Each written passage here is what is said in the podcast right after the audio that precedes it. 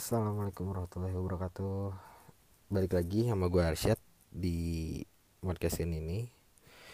Uh, Ini adalah episode kedua dari podcast hmm, Jaraknya udah hampir dua minggu ya dari rilisnya episode pertama. Emang agak lama sih sorry ya. Gue juga banyak kerjaan dan pikiran sih Jadi agak kehambat gitu.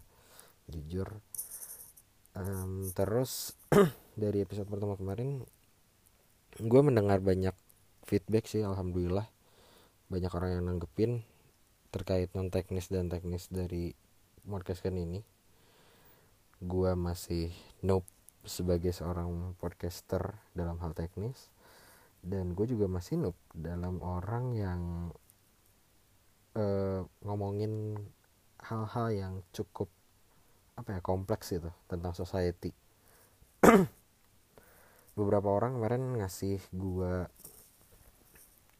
uh, masukan terkait teknisnya kayak susu suaranya kekecilan lah enakan pakai background lah. Dan yang paling lucu banyak orang yang katanya kaget pas denger podcast gua pas gua ngomong suaranya kecil tapi pas ada interlude-nya ada musiknya langsung gede suaranya terus uh, kaget aja gitu jadinya tiba-tiba kenceng suaranya sorry ya dan ya udah gue di episode ini mau coba evaluasi terkait hal-hal teknis itu. Kalau soal non teknis sih uh, eh, gue kemarin banyak dengar orang yang ngasih pandangan mereka tentang judging itu ya. Kayak mereka ngasih pandangan-pandangan uh, dari teori-teori yang udah mereka pelajari yang mereka udah baca terus dari yang pengalaman mereka juga. Dan gue mendengar banyak perbedaan dan gue senang aja jadi ada diskusi gitu gara-gara podcast ini. Dan gue senang belajar banyak hal baru dari teman-teman gue yang udah ngasih feedback itu gitu. Salah satunya kemarin yang paling penting banget teman gue bilang eh teman gue ngomongin terkait filosofi stoa kalau nggak salah namanya ya intinya adalah filosofi itu adalah e, membuat kita berpikir bahwa ya apa pun yang di luar kita itu nggak bisa kita kontrol. Dan termasuk itu society. Yang bisa kita kontrol adalah dari society dari apa pun itu adalah diri kita sendiri gitu. Jadi dalam bertindak apa pun dalam mengalami eh, kejadian apa pun yang bisa kita kontrol ya cuma diri kita sendiri. Itu sih yang menurut gue masuk uh, apa ya feedback yang keren wawasan baru buat gue dan semoga ini juga jadi wawasan bagus buat teman-teman pendengar semua.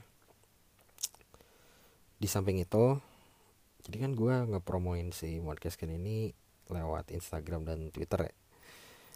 Eh, beberapa kawan gue sih ada yang lulusan psikologi ada yang lulusan komunikasi ya intinya jurusan-jurusan yang berhubungan sama sosial lah. Dan gue sebenarnya takut sih ngomongin hal-hal kayak gini kalau misalkan menentang banget sama teori yang udah mereka pelajari sama kuliah gitu.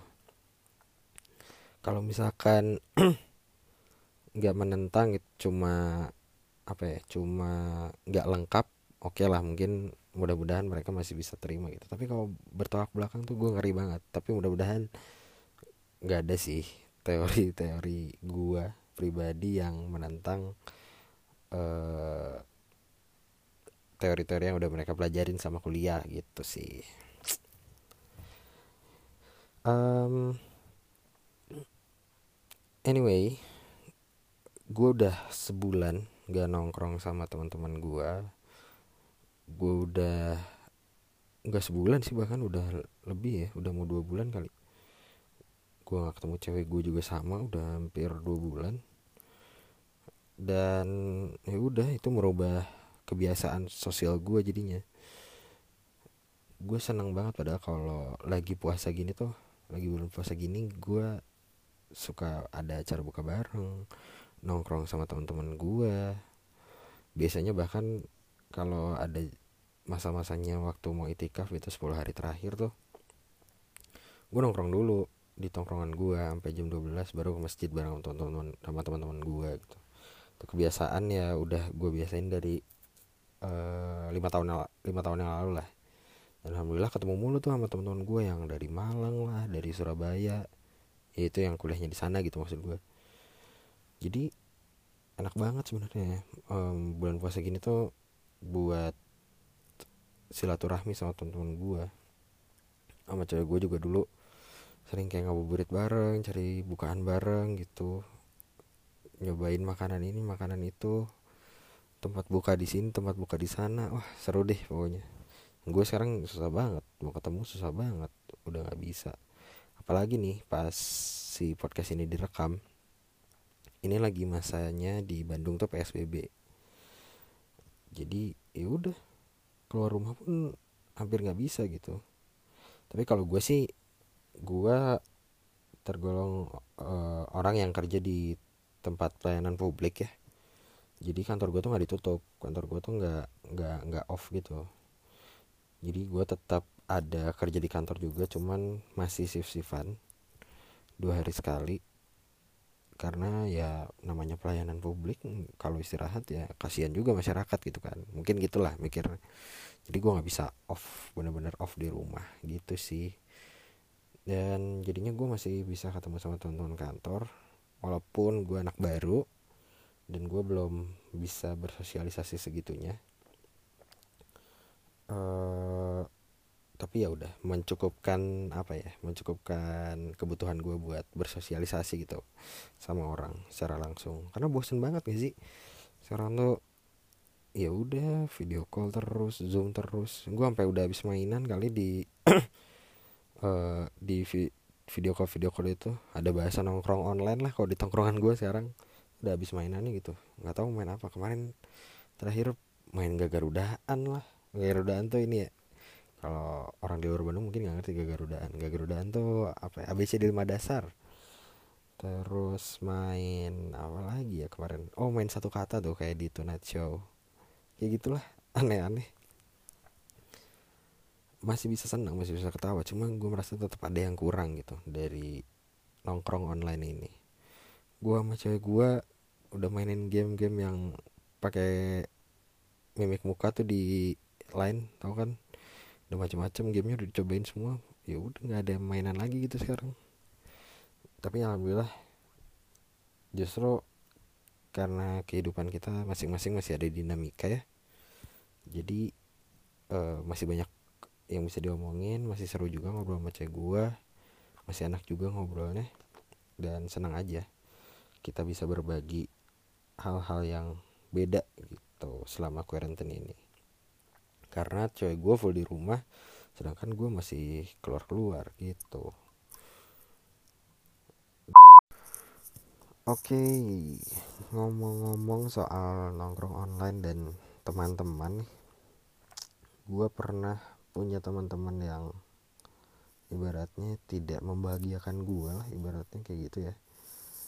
Gue ada di lingkaran pertemanan itu nggak nyaman terus ya udah gue memutuskan untuk keluar gue memutuskan untuk cabut gak mau berhubungan lagi sama orang-orang itu karena gue rasa mereka toxic gitu.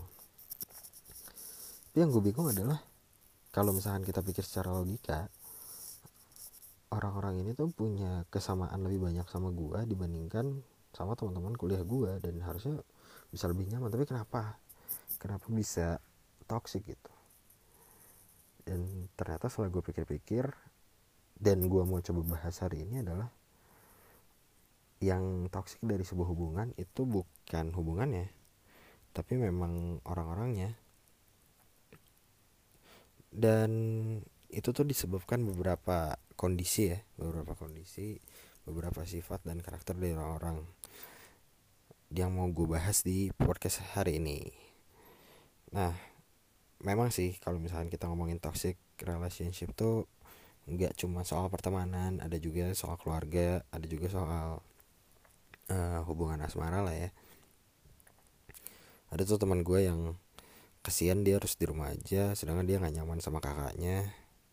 Terus ada juga teman gue yang nggak nyaman di rumah karena berselisih sama bapaknya. Tapi gue merasa kayaknya kalau ngebahas toxic relationship the as in family gitu itu di luar uh, jangkauan gue karena gue belum apa ya belum capable lah untuk membahas tentang orang tua karena takut juga sih jujur kalau bahas soal orang tua karena gue belum nyampe ke sana dan takutnya malah jadi ngelawan gitu sama orang tua. Terus kalau toxic uh, oh iya ada toxic satu lagi maksudnya ada toxic satu lagi itu toxic relationship. As in hubungan asmara.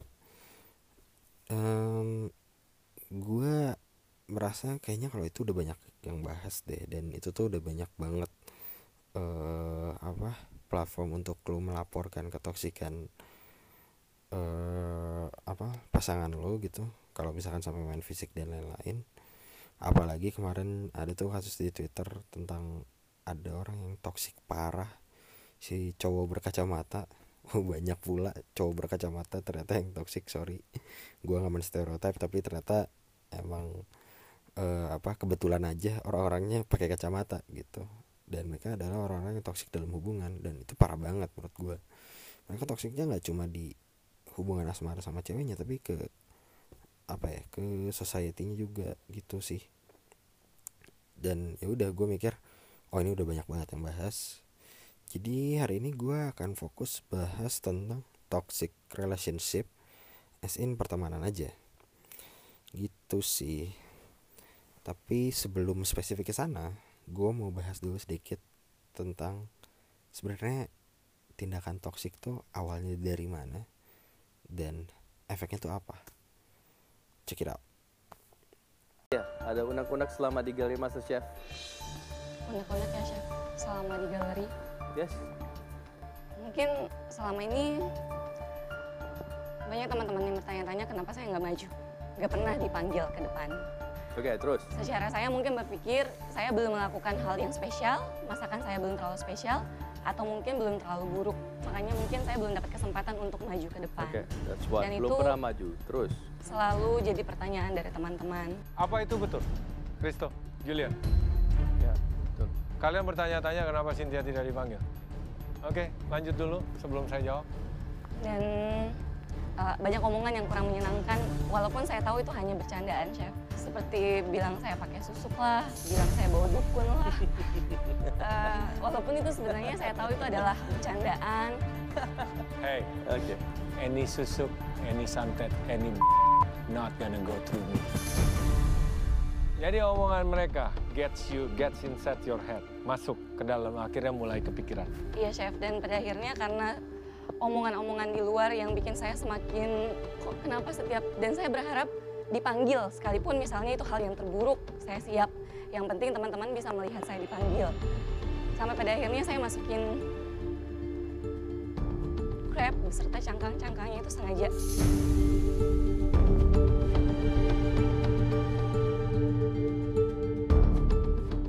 Gigi orang bisa patah tuh makan itu enggak sih saya nggak ngerti sih kamu masih bilang wah surprise. It's not funny sengaja sengaja oke okay. well Good. Cynthia wah benar dipanggil Good. between oke okay. between you guys mohon maaf Cynthia your dream finish sekarang yang lanjut ke babak selanjutnya adalah Kristo oke okay? kami but bentar I have an answer then. Kenapa kamu belum dipanggil? karena kamu benar. Kamu bukan yang terbaik dan kamu bukan yang terburuk. Bodohnya kamu. Kamu listen to what they say. And it breaks you down. Sebelum kamu masuk ke sini, kamu tidak kenal mereka. Tan dengan mereka. Kenapa kamu di sini? Kamu peduli omongan mereka. Sehingga kamu ngetes kita. Memasukkan cangkang. Dan benar, kami orang jujur, kami akan panggil yang terburuk atau yang terbaik. Dan di situ kamu masuk pressure test. Dan di pressure test, you cannot dig yourself up. See, cooking is one thing. Competition is mental. You need to learn about that. Okay? At the end of the day, Cynthia, we are very proud of Iya, jadi ini adalah cuplikan dari MasterChef Indonesia. Gue dikirimin cuplikan ini sama kawan gue Raffi dan dia jadi ngebantu gue buat membuild up bahasan di episode hari ini. Thanks buat Raffi. Uh, oke jadi si cewek dalam cuplikan ini adalah contoh korban dari toxic society gitu. Tadi kan dia bilang nih teman-temannya tuh nanyain mulu ke dia kenapa sih lu gak pernah dipanggil ke depan? Kenapa sih lu uh, bisa nggak diomelin sama juri-juri lu pakai susuk ya lu pakai jimat ya terus karena dia terlalu sering mendengar itu akhirnya dia merasa omongan teman-temannya itu adalah uh, sebuah hal yang harus dipikirkan dan akhirnya dia membuat standar baru dalam kompetisi ini yaitu maju ke depan. Padahal tujuan utama dari kompetisi ini ya udah dia buat menang kompetisi kompetisinya, buat menang Master Chef-nya. Bukan cuma sekedar buat maju ke depan dan dipanggil juri gitu. Nah, setelah kalau nggak salah sih ya setelah 9 episode nih dia tuh nggak berhasil mulu belum berhasil untuk bikin makanannya tuh spesial enak dan dipanggil sama juri karena makanannya enak tapi kan ada tekanan tuh dari teman-temannya kalau misalkan seolah-olah maju ke depan adalah sebuah keharusan gitu akhirnya dia menghalalkan segala cara untuk maju ke depan, termasuk mencelakakan dirinya sendiri. Dengan cara tadi masukin cangkang crab di makanannya dan itu berbahaya. Terus uh, dia jadi masuk apa ibaratnya placement test. Dan ya udah akhirnya dia harus keluar dari master chef ini. Tapi satu poin uh, yang gue coba garis bawahi adalah setidaknya dia maju ke depan. Dan itu adalah pemikiran yang salah. Ketika kita berpikir setidaknya dia maju ke depan. Karena itu adalah uh, apa ya standar baru yang dibuat sama orang-orang sekitarnya si cewek ini dia memang memenuhi standar itu. Tapi kan buat apa ya? Toh tujuan utama dia di awal buat menang kompetisi buat menang master chef ya bukan buat memenuhi kemauan semua teman-teman yang ada di master chef itu gitu. Nah terus teman gue nih si Raffi ini coba ngasih ilmu baru nih buat gue dia bilang kalau mengacu pada bukunya Dale Carnage Simba ini mencoba memenuhi hasrat akan pengakuan jadi hasrat akan pengakuan ini adalah hasrat yang sama besarnya dengan rasa lapar kita. Sama besarnya dengan rasa ingin kita memenuhi kebutuhan dasar kita. Dan hasrat ini e, bisa membuat kita melakukan apa saja sehingga kita tuh terlena dan, dan jatuh lebih dalam gitu. Nah, hasrat akan pengakuan ini adalah hasrat yang kita temukan sebagai keinginan untuk dihargai, menjadi hebat, dan menjadi penting. Tuh.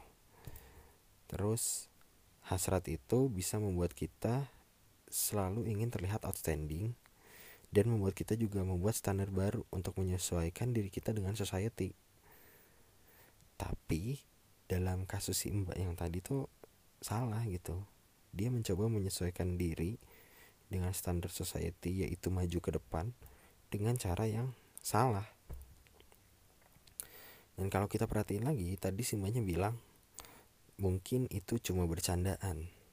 Tapi ternyata justru si mbaknya itu tidak menanggapi itu sebagai bercandaan. Dan malah masuk ke pikirannya dia gitu. Jadinya gue coba mendefinisikan sendiri sih uh, apa sih sebenarnya si toxic society ini gitu. Gue mau bilang kalau toxic society ini adalah lingkungan yang individu di dalamnya tuh bersikap egois intoleran dan bertindak afektif. Afektif tuh maksud gue kalau bahasanya salah sorry ya tapi afektif tuh maksudnya mempengaruhi gitu. Secara negatif terhadap individu lain di lingkungannya. Nah, gimana aja nih contohnya? Nah, sekarang gue mau bahas nih di episode kali ini tentang eh, ciri-ciri orang toksik itu seperti apa. Terus gue mau nunjukin kalau misalkan yang toksik itu bukan hubungannya tapi orangnya gitu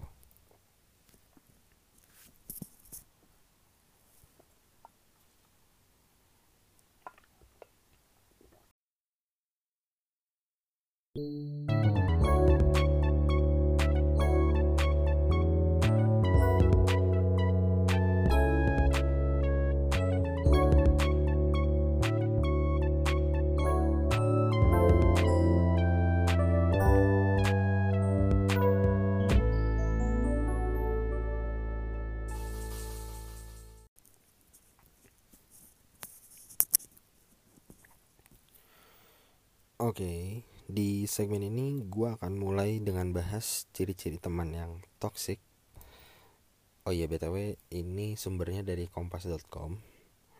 Jadi ada artikelnya gitu tentang ciri-ciri teman kamu yang toxic tuh kayak gimana. Ntar lu googling juga pasti langsung ketemu.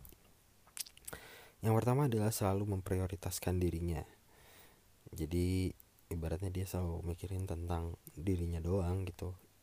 Even cuma buat nongkrong. Dia mikirin dirinya gimana caranya gue ke sana. Eh lu mau jemput nggak? Eh please dong jemput. Gue nggak mau deh kalau nggak eh, apa nggak dijemput. Terus kalau nggak beneran eh, kalau nggak dijemput dia beneran baper. Nggak apa-apa kalau misalkan lu tuh pengen nongkrong di tempat yang dekat sama tempat lu gitu sama rumah lu. Tapi jangan maksa. Kalau emang forum tuh setujunya nggak di situ gitu dan jangan baper kalau nggak bisa karena ya udah keadaan yang nggak bisa mau gimana? Gitu sih contoh kecilnya. Mungkin contoh gedenya banyak lah di lingkungan pertemanan kita. Terus yang kedua eh, ciri-ciri teman toksik adalah dia cuma memanfaatkan kita. Intinya ya obvious lah. Eh, dia cuma mau temenan sama kita kalau misalkan eh, ada maunya doang gitu Terus ciri yang ketiga adalah memunculkan drama. Nah, si memunculkan drama ini bisa jadi misalkan efek dari si contoh yang pertama tadi gue sebutin tentang kalau nongkrong tuh dia maunya dijemput tapi kalau nggak dijemput dia baper terus besoknya kayak ngomel kayak kenapa sih lu udah nggak mau temenan sama gue? Ah udahlah lu semua apa nggak nggak setia sama gue ini drama banget ya padahal cuma perihal gitu doang gitu maksud gue dan ya udah harus bisa sadar sama apa yang dipisahkan sama keadaan dan apa yang masih bisa diusahain gitu. Gitulah contoh-contohnya orang drama tuh suka lebay lah gitu. Terus ciri keempat selalu bersikap negatif sama kita. Orang itu nggak mau mengapresiasi kita gitu.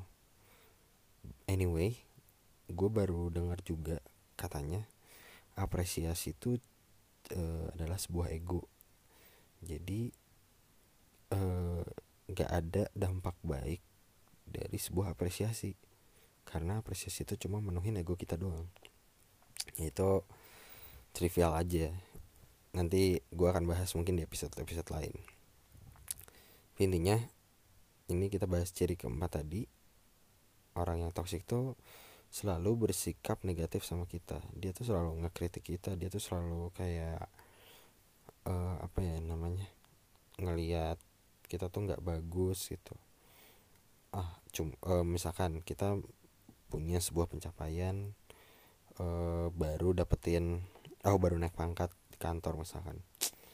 Ah elah baru segitu doang jangan kesenangan lah ntar lu dapat musibah gitu ya emang sih wajar lu boleh banget ngingetin orang untuk nggak terlalu bersenang-senang.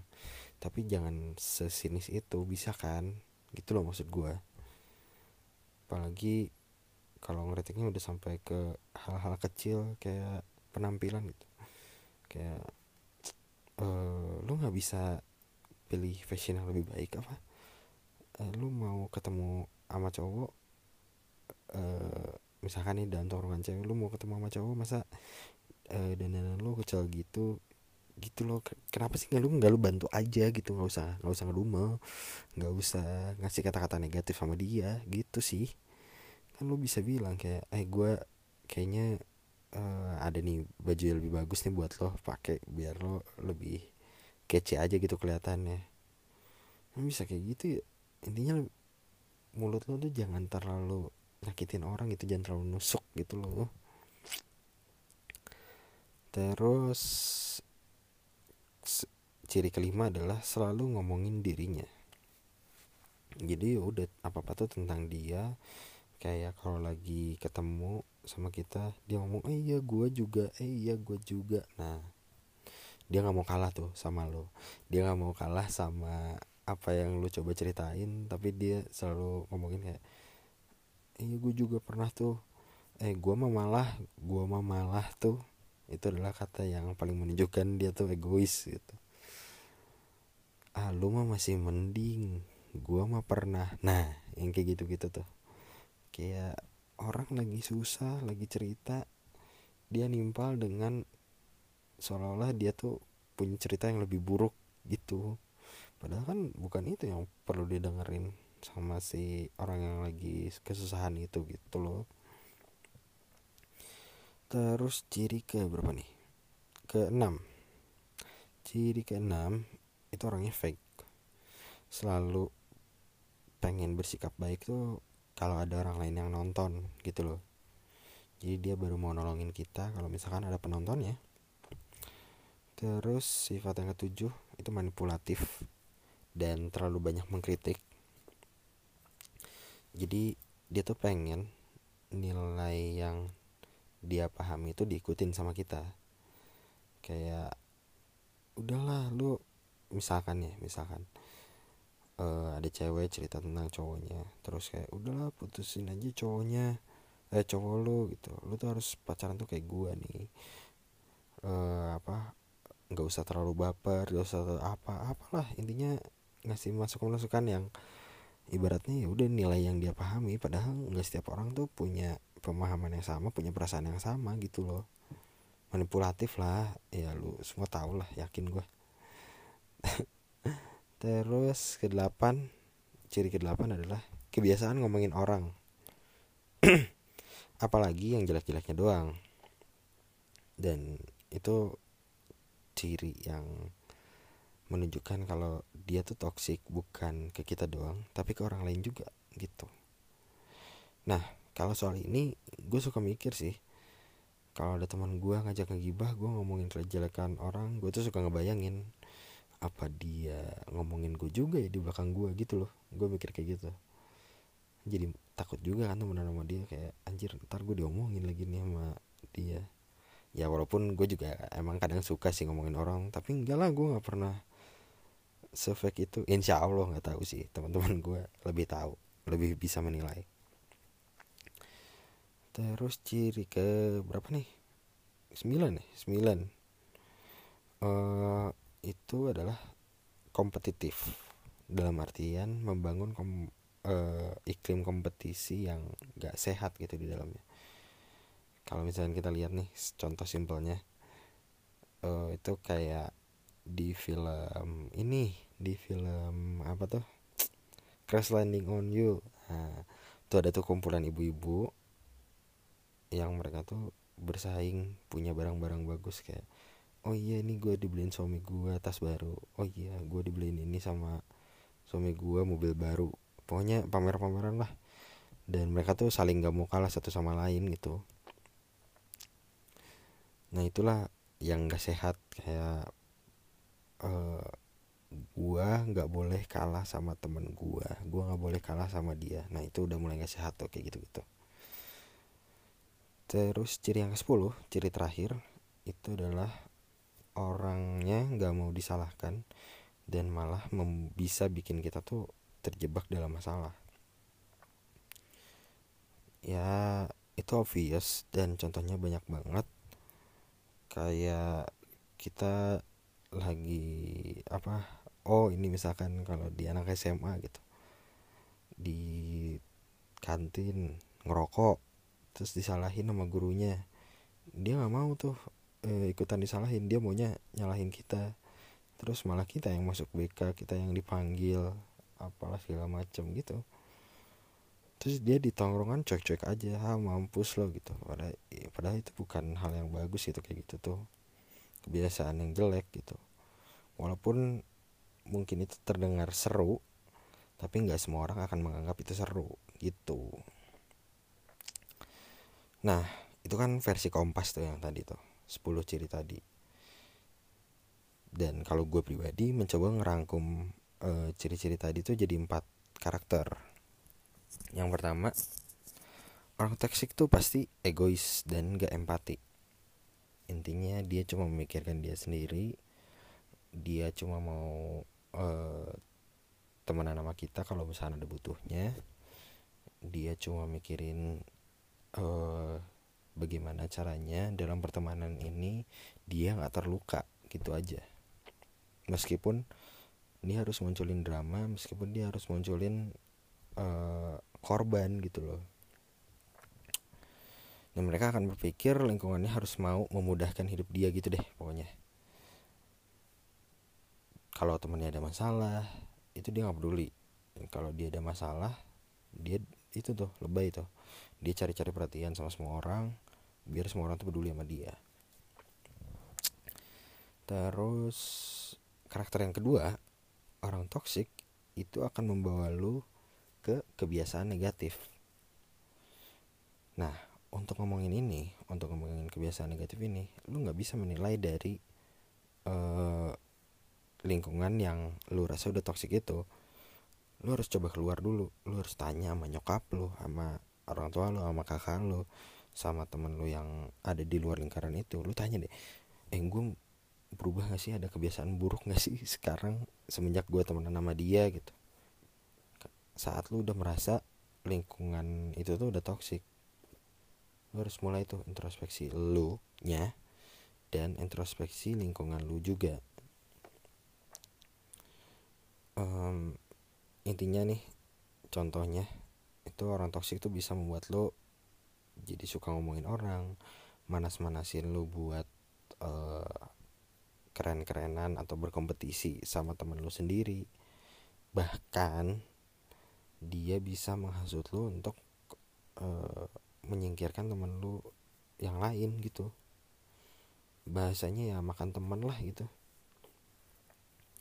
Jadi yang toksik tuh kadang bukan elunya yang makan temennya tapi bisa jadi orang-orang yang menghasutnya juga gitu loh. Gitu sih. Terus ciri yang ketiga orang toksik itu akan selalu merasa ingin lebih baik dari temennya. Gimana pun caranya. Ada dua cara kan untuk membuat lu terlihat lebih baik dari orang lain tuh. Pertama lu yang naik. Atau kedua orang yang turun. Dan orang toksik tuh akan menghalalkan kedua cara ini. Gimana pun caranya. Dan cenderung akan menjatuhkan orang lain sih. Itu sih yang gue lihat di lingkungan pertemanan gue gitu. Yang dulu gue bilang ada orang toksik tuh kayak gitu dia tuh mencoba untuk uh, menjatuhkan orang biar dia tuh jadi paling outstanding lah intinya uh, dia pengen selalu ada di permukaan. Ya dia selalu muncul di permukaan walaupun orang-orang yang lain tuh harus tenggelam. Contohnya dia bakal kritik hal yang nggak perlu dan bikin lo ngikutin pandangan yang menurut dia benar. Sehingga karena itu lo akan menyebut dia guru lo akan jadi muridnya dia lo akan jadi pengikutnya dia dan dia akan merasa lebih hebat karena lo udah ngikutin dia gitu. Nggak masalah sih kalau misalkan caranya positif dan hal yang diikutin itu positif. Tapi banyak juga yang uh, memaksakan temennya tuh harus berpikir kayak dia dalam hal-hal yang negatif juga. Contoh ya udah lu jangan kaku-kaku banget lah kalau mau minum minum aja gitu. Misalkan mau mabok gitu ya. Udah nih gue aja nggak apa-apa minum santai gitu. Terus jadi ngerokok jadi apalah segala macem. Terus ya udah dia akan merasa hebat. Kayak tuh kan lu sekarang merasakan enaknya kayak gini-gini gitu. Padahal kan harusnya orang melakukan sebuah kalau menurut gue ya orang tuh melakukan sebuah kenakalan itu harus eh, karena pilihannya sendiri. Gitu. Jangan sampai diajakin sama orang biar dia tuh bertanggung jawab sama dirinya sendiri. Dan kalaupun nanti sudah mau berhenti dia tuh gak nyesel pernah melakukan itu karena ya udah itu pilihan hidup dia dulu. Bukan karena diajak sama orang. Gitu sih. Terus karakter yang keempat yang terakhir orang toksik itu selalu cari panggung meski harus ngambil panggung temannya sendiri. Ketika ada satu lingkungan lo yang eh, ada orang yang cukup berprestasi yang shining gitu dia tuh akan coba ngomongin dia terus dia akan coba cari perhatian biar dia diperhatiin terus. Ketika ada orang lain lagi senang dia membuat dirinya seolah-olah sedih biar dia lebih diperhatiin daripada yang senang. Gitu deh caper banget itu dan pengen selalu terlihat eh, lebih diperhatikan gitu sih. Nah eh jujur dalam hidup gua banyak be- bertemu sama orang-orang toksik itu. Dan gue pernah berteman sama yang orang yang nggak mau bantu gue saat gue kesusahan. Pernah tuh ada yang kayak gitu. Padahal gue tuh selalu ada buat dia. Gue juga pernah berteman sama orang yang cuma mau jadi teman gue kalau misalkan eh, status status sosial gue tuh naik gitu. As in status status sosial di sini maksudnya gue dapat achievement sesuatu atau gue baru beli mobil baru atau gue baru beli apa gue baru dapat apa gue baru diterima di kantor mana. Ada tuh orang yang baru mau berteman kalau gue udah kayak gitu udah cukup top gitu. Contoh kemarin tuh gue pas ke oh iya gue ceritain aja nih. Jadi gue kemarin waktu bulan Januari gue pernah ke Australia. Itu tujuannya buat conference eh, ngekonferensiin si skripsi gua disubmit jadi paper gitu. Dan alhamdulillah gue dapat eh, predikat best presenter. Nah pas gue pulang wisuda itu temen gue tuh nyamperin dan dia membangga gua nih baru nih teman gua gitu. Ih tai banget males banget gua temenan sama lu gitu loh. Jujur ya Eh, kayak gitu. Dan gue nggak tahu sih lo akan temen yang gue maksud ini akan denger podcast ini atau enggak tapi bodo amat gue nggak suka sama orang toksik terus gue juga pernah berteman sama orang yang suka gosipin orang sampai akhirnya gue sendiri yang diomongin di belakang sama dia. Itu gue gedek banget dan gue udah nggak percaya lagi sama orang yang kayak gitu. Dan gue jadi melihat orang tuh nggak perlu memenuhi 10 karakter yang tadi untuk jadi untuk dapat predikat orang toksik.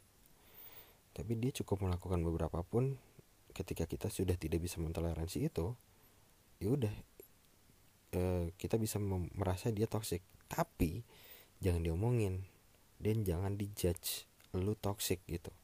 Karena belum tentu pandangan kita tuh benar. Dan belum tentu eh, dia toksik tuh tanpa alasan bisa jadi emang dia tuh nggak punya pengalaman bersosialisasi yang bagus selama hidupnya. Dan kan kalau kayak gitu kita yang harus mentoleransi ya kasihan juga dia nggak punya eh, apa contoh yang baik gitu. Misalkan di rumahnya emang orang-orangnya toksik ya udah dia jadi ikutan kayak gitu. Ter- nah intinya adalah eh orang tuh nggak perlu memenuhi 10 ciri itu untuk menjadi toksik kalau di teori eh di definisi gue tadi ada empat karakter itu. Dan salah satunya aja tuh bisa jadi kita sebut toksik tapi kita pun bisa eh, terlihat toksik di mata orang lain. Nah balik lagi nih ke eh, feedback yang udah gue denger dari teman gue di episode pertama kemarin tentang filosofi stoa. Intinya adalah kita cuma bisa mengontrol diri kita sendiri. Ketika teman kita toksik ya udah. Kita nggak bisa ngekonfront dia. Toh kalaupun confirm dia belum tentu berubah jadi kita yang kontrol diri sendiri. Nah, di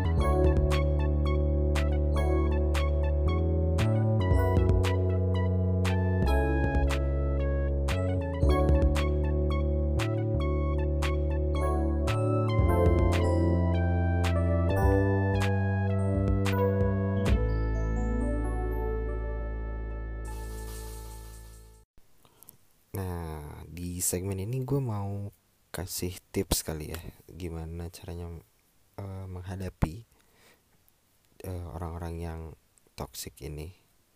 Gue kasih tips untuk menghadapi, bukan untuk menghindari, karena ketika kita menghindari itu hanya akan jadi apa ya? eh pemecah silaturahmi lah ibaratnya kayak gitu sih. Gue sih ngerasanya gitu gue emang pernah menghindar dari satu lingkungan yang gue rasa toksik dan ya udah jadinya gak enakan terus sampai sekarang. Gak bisa memunculkan satu eh, kesimpulan gitu loh. Padahal kita tuh bisa banget untuk memunculkan kesimpulan agree to disagree gitu. Jadi ya udah kita se- setuju kalau kita sama-sama beda eh kita berdua beda kita bersekian beda eh, pemikirannya ya udah tapi kita tetap berteman. Itu menurut gue yang ideal tuh kayak gitu. Karena dengan ketemunya solusi itu kita tuh udah berdamai sama diri kita sendiri dan orang-orang itu gitu. Sehingga kita tuh tahu oh ini tuh yang masih bisa gue terima tuh bagian yang ini loh. Oh kalau lu sudah melakukan hal yang X gue udah nggak bisa terima gitu loh. Tapi jadinya ya udah saling pengertian tapi kalau boleh jujur nih ya gue tuh eh, sekarang nggak terlalu intim sih dalam pertemanan.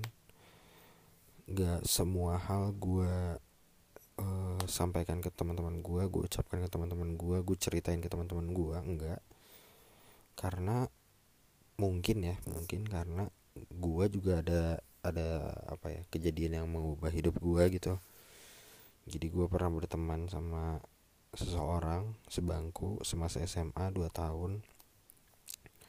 Terus dia meninggal di hari ulang tahun gue dan sebelum dia meninggal tuh gue sempat janjian dulu mau main BL bareng sama dia tapi nggak kesampaian karena gue lebih memilih pacaran dan itu bikin gue sakit hati banget. Gue memilih pacaran dan gak ketemu dia. Dan gue kecewa sama diri gue sendiri dan menyesal banget. Dan orang itu tuh tahu semua seluk beluk hidup gue gue ceritain semuanya. Gue eh, apa minta solusi sama dia dia juga sama gitu. Kayak terus nyokapnya juga udah deket banget sama gue gue bisa sebelum sekolah bisa sarapan dulu di rumah dia. Dia kalau balik ke rumah gue dulu. Banyak lah banyak banget intinya yang udah gue share sama dia dan walaupun sebentar cuma dua tahun tapi ya udah gue merasa dia teman terbaik gue dan gue eh, jadi belajar orang tuh akan hilang suatu saat bagaimanapun keadaannya. Jadi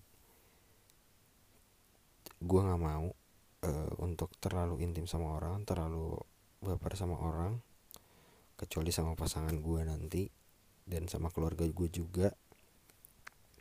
Gue nggak mau sebergantung itu sama orang karena orang itu akan pergi bagaimanapun keadaannya gitu. Dan gue nggak mau sih ditinggal pergi sama teman-teman gue dengan keadaan yang sangat tidak menyenangkan dengan keadaan eh, yang menunjukkan kalau teman gue ini cuma mau temenan sama gue kalau ada maunya doang. Gue nggak mau kayak gitu jadi gue sudah memfilter orang-orang tuh dari awal. Kayak udah apa ya berarti gue udah seuzon duluan nih orang bakal toksik apa enggak. Dan kalau kalau udah kelihatan ada bibit-bibit toksik gue nggak mau temenan sama dia gitu. Jadi gue nggak eh, sering sih mengalami eh, ada di lingkaran yang toksik tapi ini gue coba kasih beberapa tips yang bisa bikin kita menghadapi orang-orang yang toksik gitu. Yang pertama adalah jadilah orang yang jujur. Jujur di sini tuh bukan belak belakan seenaknya. Lu tuh kalau ngeliat temen lu apa jelek jangan langsung lu ngomongin ah lu jelek gitu. Lu lihat teman lu goblok jangan lu langsung bilangin ah lu goblok gini ya nggak bisa gitu. Nggak kayak gitu. Tapi jujur tuh ibaratnya nggak ada satu pemikiran yang lu simpan di otak lu. Dan dia tuh nggak tahu pemikiran itu padahal harusnya tahu gitu. Itu sih intinya jujur tuh. Lu ngomong semuanya lu ngomong yang perlu dia tahu gitu. Dengan cara yang baik. Nah kalau dengan cara yang baik ini gue nggak bisa ngasih tahu. Lu harus belajar skill interpersonal dan gue pun masih harus belajar soal itu karena gue masih suka ngomong asal gitu sih terus tips yang kedua adalah empati. Nah empati ini tuh obvious banget ya gampang banget uh, buat dibaca gitu buat dipahamin tapi susah buat dilakuin. Jadi empati itu intinya adalah uh, istilahnya kita bisa menempatkan kaki kita di sepatu orang lain dan kita bisa ngerasain kerasnya seperti apa uh, nyamannya seperti apa nggak enaknya seperti apa gitu. Kekecilan atau kegedean kita bisa ngerasain itu gitu. Jadi kita tahu nih masalah-masalah orang lain. Nggak cuma tahu tapi kita emang punya niatan untuk membantu. Kita mikirin bukan cuma tahu. Karena kadang kalau kita cuma pengen tahu masalah orang tuh malah jadi gibah gitu. Malah jadi kita sebar luasin ke orang lain tanpa ada niatan untuk membantu terus kalau kita ngeliat temen itu jangan ngeliat anaknya doang. Misalkan nih ya ada teman kita yang lebih tajir uh, orang tuanya pengusaha sukses dan lain-lain. Terus kita ngomong nih sama dia lu enaknya hidup lu uh, apa segala ada orang tua lu tajir terus segala yang lu mau dipenuhi. Lu jangan lihat itunya. Di balik itu gue yakin itu orang punya masalah even dia nggak menunjukkan. Karena nggak mungkin kita nggak punya masalah dalam hidup. Setiap orang di dunia ini itu punya masalah dalam hidupnya pasti. Walaupun bentuknya berbeda. Nah yang harus kita pahami bentuknya itu berbeda. Kita bisa iri sama masalah orang lain. Kita bisa iri ah, masalah lu kayaknya lebih mudah daripada masalah gue bisa. Tapi kita nggak pernah menginginkan itu gitu loh. Itu tuh semuanya pemberian dan apa dan kalau kata orang-orang sukses nih ya apa yang membuat kita hebat itu adalah bagaimana cara kita merespon si masalah itu. Sabar bersyukur dan terus bergerak gitu loh. Jadi jangan pernah iri sama masalah orang lain jangan pernah iri sama uh, pencapaian orang lain. Lu bersyukur aja sama diri lu sendiri lu bersyukur dikasih masalah ini lu bersyukur punya anugerah ini lu bersyukur punya fasilitas ini dan itu gitu loh. Dan lu harus melihat masalah dalam diri orang lain itu sih.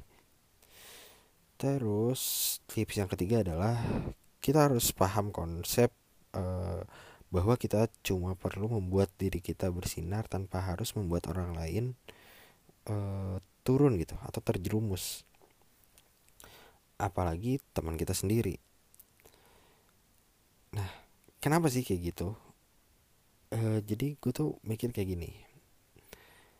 Kita tuh nggak bisa bersinar sendirian. Kalaupun kita bersinar sendirian kita tuh akan pengen turun. Contoh kalau kita outstanding sendirian kita hebat sendirian dan teman-teman kita tuh terjerumus gitu. Kita tuh ada di atas kan berarti ada di atas langit tuh tapi sendirian. Apa serunya sih? Apa asiknya sih? Teman-teman lu di bawah itu kesusahan bareng-bareng. Meskipun mereka menangis mereka menangis bareng-bareng. Meskipun mereka bersedih mereka bersedih bareng-bareng. Dan lu sendirian di atas buat apa? Gitu loh. Padahal kita diciptakan dalam keadaan yang sama sama-sama manusia kita ada dalam derajat yang sama. Terus buat apa gitu loh kita menjatuhkan orang lain kita nyikut orang lain kita narik orang lain agar kita tuh bisa naik sendiri ke atas. Gitu loh. Even kita nggak naik gue tuh mikirnya gini even kita nggak narik orang lain kita nggak menjerumuskan orang lain pun ketika kita bisa outstanding sendiri itu tuh menurut gue kebahagiaan yang nggak bisa dibagi dan ya udah nggak menyenangkan. Kebahagiaan tuh ibarat makanan ya. Dan kita tuh punya kapasitas perut yang ya udah segini-segini aja. Ketika kita punya kebahagiaan yang banyak banget ya percuma. Toh kita cuma bisa makan itu sekapasitas perut kita aja. Gitu loh. Mending dibagi-bagi mending kita berbagi kebahagiaan sama teman-teman kita sama lingkungan kita gitu loh. Percaya deh kebahagiaan yang hakiki itu nggak akan habis kalau dibagi. Jadi ngapain sih ngejerumusin orang lain demi keinginan kita pribadi? Nah terus tips yang keempat uh, kita harus memperkuat mental kita sih. Ini untuk menghindari drama-drama ya menghindari drama-drama dalam tongkrongan. Gue nggak ngomongin ini soal uh, cewek atau cowok intinya buat semuanya tongkrongan cewek dan cowok tapi intinya adalah kita harus memperkuat mental sih. Oke sekarang banyak banget isu tentang kesehatan mental dan lain-lain. Tapi menurut gue mental tuh selain uh, harus sehat tapi harus juga kuat sama kayak fisik kita. Sehat tuh belum tentu kuat gitu loh maksud gue karena kekuatan tuh diuji ketika dibentur menurut gue sih kayak gitu jadi jangan apa ya jangan baperan jadi orang. Jangan dikit-dikit mengambil uh, sisi negatif dari omongan orang lain. Jangan dikit-dikit merasa dikritik. Jangan dikit-dikit merasa dijudge uh, apalagi sama teman sendiri. Karena ya udah cara kita ngomong beda sama cara dia ngomong. Itu satu yang harus kita paham. Terus yang kedua adalah point of view gua dan point of view dia. Itu berbeda juga apa yang dilihat. Jadi ya udah terima aja apa yang ngomong orang omongin. Dan terutama buat teman-teman kita eh terutama kalau dari teman-teman kita ya udah. Dengerin aja dulu. Mungkin itu memang buat kebaikan kita. Walaupun mungkin cara penyampaian dia nggak baik ya udah lu harus maklumin gitu intinya jangan dikit-dikit baper jangan dikit-dikit nyalahin orang jangan dikit-dikit ngerasa dijudge jangan dikit-dikit ngerasa dikritik pokoknya jangan segala dikit-dikit dah semakin lu merasa dikit-dikit maka makin dikit kebahagiaan yang bisa lu rasain dari lingkungan pertemanan lu, pertemanan lu itu gitu.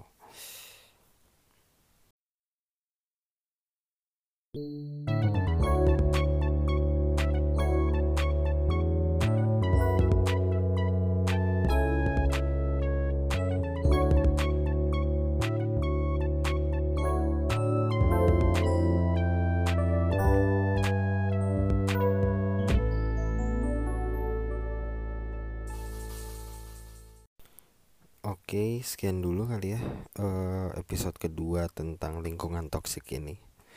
Orang dengan bibir berbahaya dan beracun. Uh, kesimpulannya adalah yang mau gue sampaikan dari pembahasan tentang lingkungan toksik ini adalah yang pertama, lingkungan tidak akan menjadi toksik ketika tidak ada orang toksik di dalamnya, dan bisa jadi kita yang toksik. Jadi menurut gue ketika kita sekarang lagi self quarantine ini lagi jauh dari teman-teman kita ini adalah saatnya kita untuk mengintrospeksi diri kita sendiri dan mengintrospeksi lingkungan kita. Apakah sudah uh, termasuk tergolong jadi lingkungan yang toksik atau enggak gitu.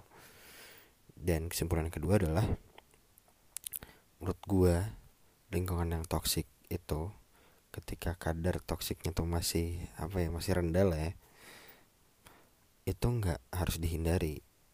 Kita jangan terlalu sensitif lah. Dan kita harus bisa merespon sama lingkungan toksik ini. Biar bisa muncul apa ya satu pemahaman yang agree to disagree tuh jadi kita sama-sama bisa mentoleransi teman-teman kita teman-teman kita bisa mentoleransi kita kita bisa sama-sama paham oke okay, kita berbeda nilai di sini kita berbeda nilai di situ dan ya udah.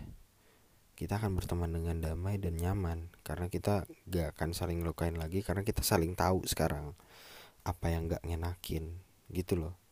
Dan itu harus dibahas menurut gue ketika lu udah mulai ngerasa lingkungan lu toksik kecuali kalau lingkungan lu udah sangat toksik udah sampai bikin lu bisa stres bikin lu sakit fisik juga ya udah itu mah harus ditinggalin lah gitu. Oke okay, um, sekian dulu. Dan saat podcast ini direkam uh, udah mau udah masuk bulan Ramadan ya. Dan seru banget. Gue seneng sebenarnya uh, ketemu lagi sama bulan Ramadan tapi ternyata tidak seseru itu karena sekarang harus PSBB dan harus self quarantine dan lain-lain. Walaupun gue tidak merasakan segitunya si self quarantine ini tapi ya udah sedih aja sih nggak bisa nongkrong sama teman-teman gak bisa ketemu cewek gue juga. Tapi ya udah ini buat kebaikan kita semua. Dan ini buat seluruh muslim di yang dengerin podcast ini selamat menjalankan ibadah di bulan Ramadan apa pun ibadahnya puasa sholat e, tarawih dan lain-lain. Gue harap e, kita juga bisa melaksanakan satu ibadah yang dampaknya cukup besar di masa-masa seperti ini yaitu sedekah.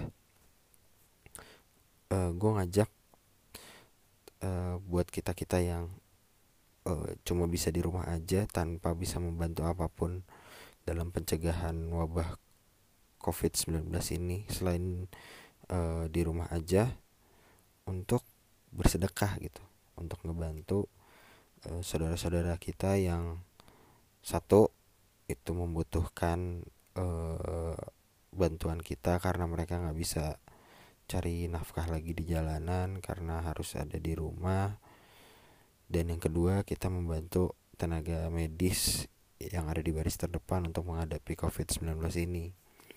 Udah banyak banget lah platformnya. Udah banyak banget uh, toolsnya udah banyak banget orang yang buka donasi udah buka bantuan. Jadi gampang banget buat kita melakukan uh, gerakan. Ya udah cukup itu yang gue bilang di episode sebelumnya. Lu klik m banking lu lu buka m banking lu ya udah lu transfer aja ke situ gitu dan bantuan lu sangat berarti.